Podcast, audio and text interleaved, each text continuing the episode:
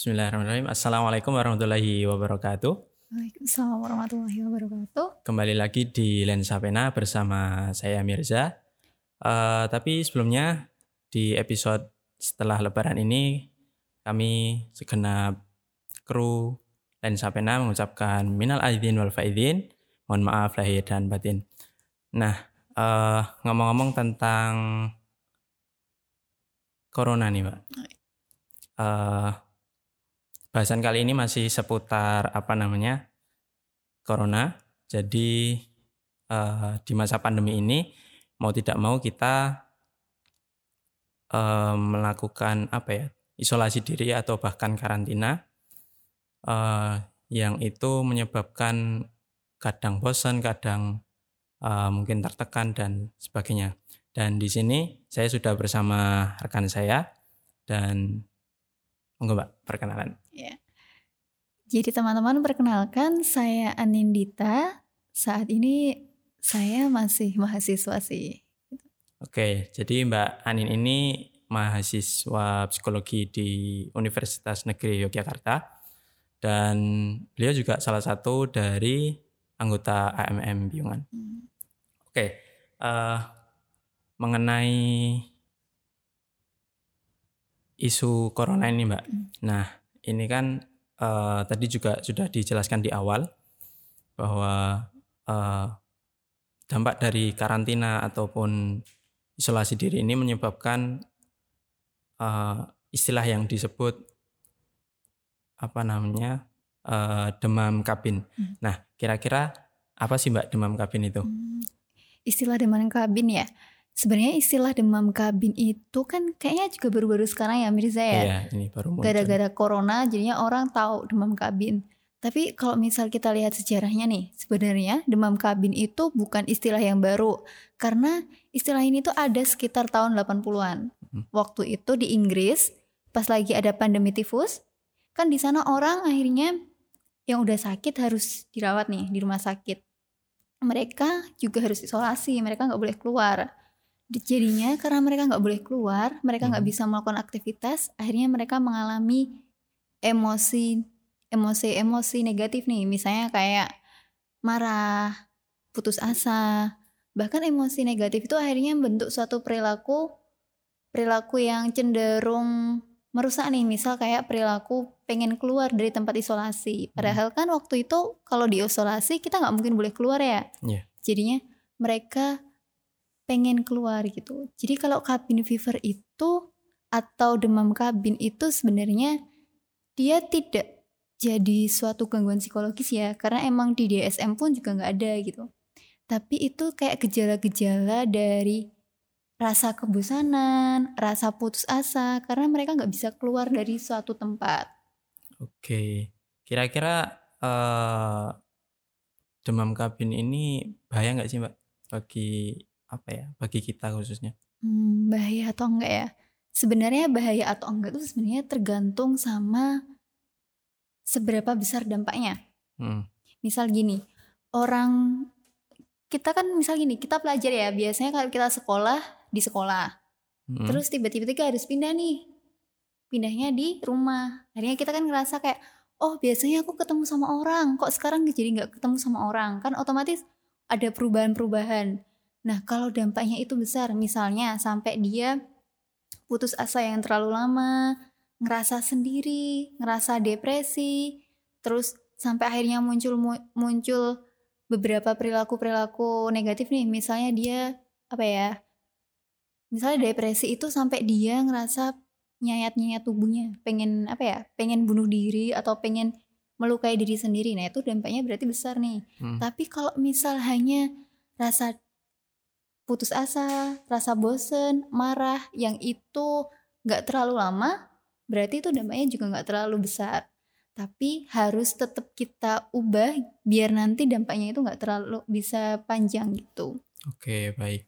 Jadi um, dampaknya besar atau tidaknya itu berarti bergantung pada seseorang itu sendiri. Iya. Oke. Uh, kira-kira uh, cara mengenali kalau kita ini apakah sudah terjangkit demam kabin atau belum itu eh, kira-kira seperti apa Mbak? Ciri-cirinya mungkin kalau kita apa namanya uh, sudah terjangkit itu tadi. Hmm, ciri-cirinya paling pertama adalah tiba-tiba kita ngerasa nggak punya semangat. Oke. Okay. Jadi pernah nggak ngerasa tiba ada suatu perubahan dan Mirza ngalamin nggak semangat gitu? Hmm, pernah. Pernah. Nah itu kita sebenarnya rasa nggak semangat itu kan wajar ya. Hmm. Tapi yang jadi nggak wajar itu kalau semangat kita tuh turun terus. Jadi kita nggak pernah semangat. Hmm. Nah itu gejala pertama. Rasa bosan. Okay. Rasa bosan yang terlalu lama. Kita bosan terus. Kita nggak pernah berpikir, oke okay, sekarang bosan, lalu gimana caranya biar kita segera nggak bosan gitu. Orang hmm. yang kena demam kabin itu dia akan ngerasa bosan. Terus dia gampang tersinggung. Ya. Yeah. Cuma kita apain dikit aja dia udah marah gitu loh nggak ada apa gitu dia udah bisa marah kayak gitu terus dia putus asa hmm. dia nggak punya harapan dia ngerasa kayak hidupku kok kayak gini banget sih hidupku kok nelangsa banget nah kayak gitu okay. uh, eh, kira-kira nih mbak kan uh, kalau cewek nih ya hmm. itu kan dia apa ya ada masa PMS lah bisa dibilang hmm. seperti itu nah Eh, kira-kira apakah itu juga bisa menambah apa ya, memperburuk gejala itu mungkin? Hmm, bisa jadi. Jadi kan kalau misal perempuan waktu mau haid itu kan ada perubahan hormonal nih. Hmm. Itu kan bisa ngaruh ke emosionalnya. Kita sering banget kan tahu kalau ini kenapa sih tiba-tiba gampang marah gitu kan. Yeah. Nah, bisa jadi kayak gitu. Tapi kan nanti kalau misal PMS itu kan seiring berjalannya waktu dia akhirnya hormonnya membaik nih apa ya namanya akhirnya dia nggak jadi gampang tersinggung nih. Hmm. Nah jadi yang bedakan antara orang cabin fever sama hmm. orang yang PMS kan itu. Yeah. Walaupun PMS juga bisa membuat cabin fever itu makin lebih parah. Oke. Okay. Baik. Uh, kemudian uh, tadi ciri-cirinya orang yang terkena cabin fever itu seperti itu. Uh, kemudian sekarang ini Mbak, cara mengatasinya atau tips-tips uh, buat kita menghindari agar tidak terjangkit cabin fever tadi. Hmm, tips nih, gimana caranya biar kita nggak kena cabin fever atau biar cabin fever kita itu nggak makin dampaknya makin luas nih hmm. di pandemi gini ya Mirza ya. Yeah. Oke. Okay. Yang pertama itu kita harus tetap melakukan kegiatan rutin kita. Okay. Nggak berarti karena kita harus yang biasanya harus ke sekolah, ke kampus atau bekerja di luar, tiba-tiba kita harus kerja dari rumah, sekolah dari rumah, kuliah dari rumah, tiba-tiba kita nggak ngapa-ngapain.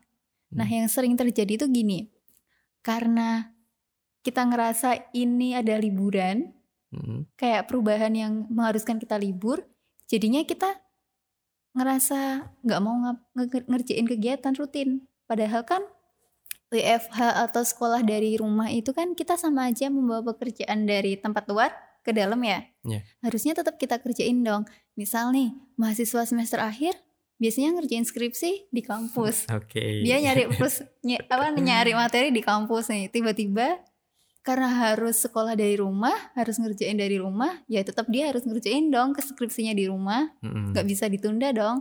Sama juga orang yang sekolah. Di sekolah biasanya dia ngerjain tugas ngerjain apa tugas ya. Mm. Terus tiba-tiba harus sekolah dari rumah. Berarti kan dia juga tetap harus mengerjakan PR-nya, tetap harus ngerjain tugas-tugasnya dari rumah. Jadi bukan berarti karena kita pindah tempat terus kita akhirnya nggak melakukan kegiatan rutin kita kayak gitu. Yang kedua sering kak apa ya melakukan sesuatu yang baru. Oke. Okay. kalau tadi contohnya apa oke okay, sesuatu yang baru. Misal nih kalau Mirza senangnya ngapain? Saya mungkin senangnya ini sih mbak. Uh, desain sih mungkin. Desainnya. Nah itu bisa Mirza. Kan kita tiap hari ngerjain tugas otomatis ada rasa bosannya nih akhirnya kita perlu sesuatu yang baru yang itu memicu rasa semangat kita, memicu rasa pengen tahu kita untuk bisa menyelesaikannya. Misal Mirza kan sukanya desain, hmm. sesuatu apa yang belum Mirza desain nih. Akhirnya Mirza ngerjain itu buat desain. Atau mungkin teman-teman teman-teman IPM kita tuh kayaknya pinter masak ya. Nah yeah. itu bisa jadi suatu kegiatan baru di rumah yang biasanya ngerjain tugas, akhirnya mereka bisa masak. Dulu waktu sekolah, waktu aktif kuliah, waktu aktif kerja, kayaknya memasak, bersih-bersih rumah, merapikan perabot rumah itu kan suatu kegiatan yang jarang banget ya. Iya. Jadi mumpung lagi pandemi nih, kita bisa beraktivitas baru nih, bisa masak, yang punya keahlian memasak bisa masak, yang punya keahlian bikin video kayak gini bisa hmm. juga yang ahli desain bisa belajar desain atau mungkin melakukan sesuatu yang belum pernah dilakukan bertanam misalnya bercocok tanam menanam dari rumah menanam apa pun yang bisa ditanam terus kalau tadi itu ya melakukan sesuatu yang baru yang ketiga itu adalah tetap terkoneksi dengan orang lain oke okay. nah kenapa harus Maksud. tetap terkoneksi ya ya yeah. itu kita kan makhluk sosial nih, hmm. makhluk yang nggak bisa sendirian. Kalau sendiri di rumah sehari aja udah bosen, udah ngerasa kayak kok aku kayak nggak punya temen ya, kok kayak aku nggak punya siapa-siapa ya, kayak hmm. gitu kan. Nah, karena kita itu ada di era teknologi, kita bisa kan telepon orang lain, video call orang lain, chat orang lain, agar kita tetap merasa kalau kita itu punya orang lain. Kita hmm. tetap merasa terkoneksi dengan orang lain, terhubung dengan orang lain. Kalaupun tidak harus dengan media seperti WA ataupun yang lain, kita kan punya keluarga di rumah. Yeah. Nah, mumpung nih lagi pandemi kayak gini, kita bisa meningkatkan apa ya? Meningkatkan keterhubungan kita dengan keluarga. Yeah. Kayak pernah ada cerita nih Mir. Waktu itu uh, temen gue cerita, aku saya pernah dengar cerita sih jadi dia itu nggak pernah bertegur sapa sama orang tua di rumah. Jadi rumah tuh kayak kos-kosan. Iya kayak kos-kosan. Orang tuanya itu kalau pagi udah berangkat kerja, malam baru pulang. Hmm. Anaknya, anaknya kan ketemunya harusnya bisa ketemu kan, yeah. tapi iya. nggak bisa ketemu. Gara-gara pandemi ini, mereka jadi bisa ngobrol sekarang. Hmm. Mereka iya. bisa jadi dekat. Bahkan ada yang mungkin nggak pernah nggak pernah ngobrol dengan orang tua secara lebih dalam gara-gara corona mereka bisa ngobrol lebih dalam seperti misal ngobrol kayak kamu rencananya ke depannya mau ngapain? Mau sekolah di mana? Terus ketika aku ngelakuin kayak gini bapak sama ibu senang atau enggak? Nah kayak gitu. Jadi gara-gara pandemi itu nggak berarti kita nggak terhubung sama orang lain. Kalau kita pengen telepon orang lain sekarang ada media HP kan ya? Yeah ada kalau misal kita pengen video call orang lain juga ada ada teknologinya. Jadi tetap terhubung sama orang lain biar kita nggak ngerasa sendiri biar kita bisa saling bercerita dengan orang lain dan kita mendengarkan cerita orang lain juga oke berarti uh, di masa pandemi ini bukan hanya sisi negatif saja tapi juga menimbulkan sisi positif tapi ngomong-ngomong tentang uh, mencoba hal baru nih mbak -hmm. saya juga sebenarnya ada pengalaman menarik -hmm itu um, apa ya? Jadi ketika saya di kos hmm. itu hal yang saya lakukan ketika mengisi waktu-waktu luang di tengah pandemi hmm. ini itu uh, saya mencoba memasak gitu. Ya, itu.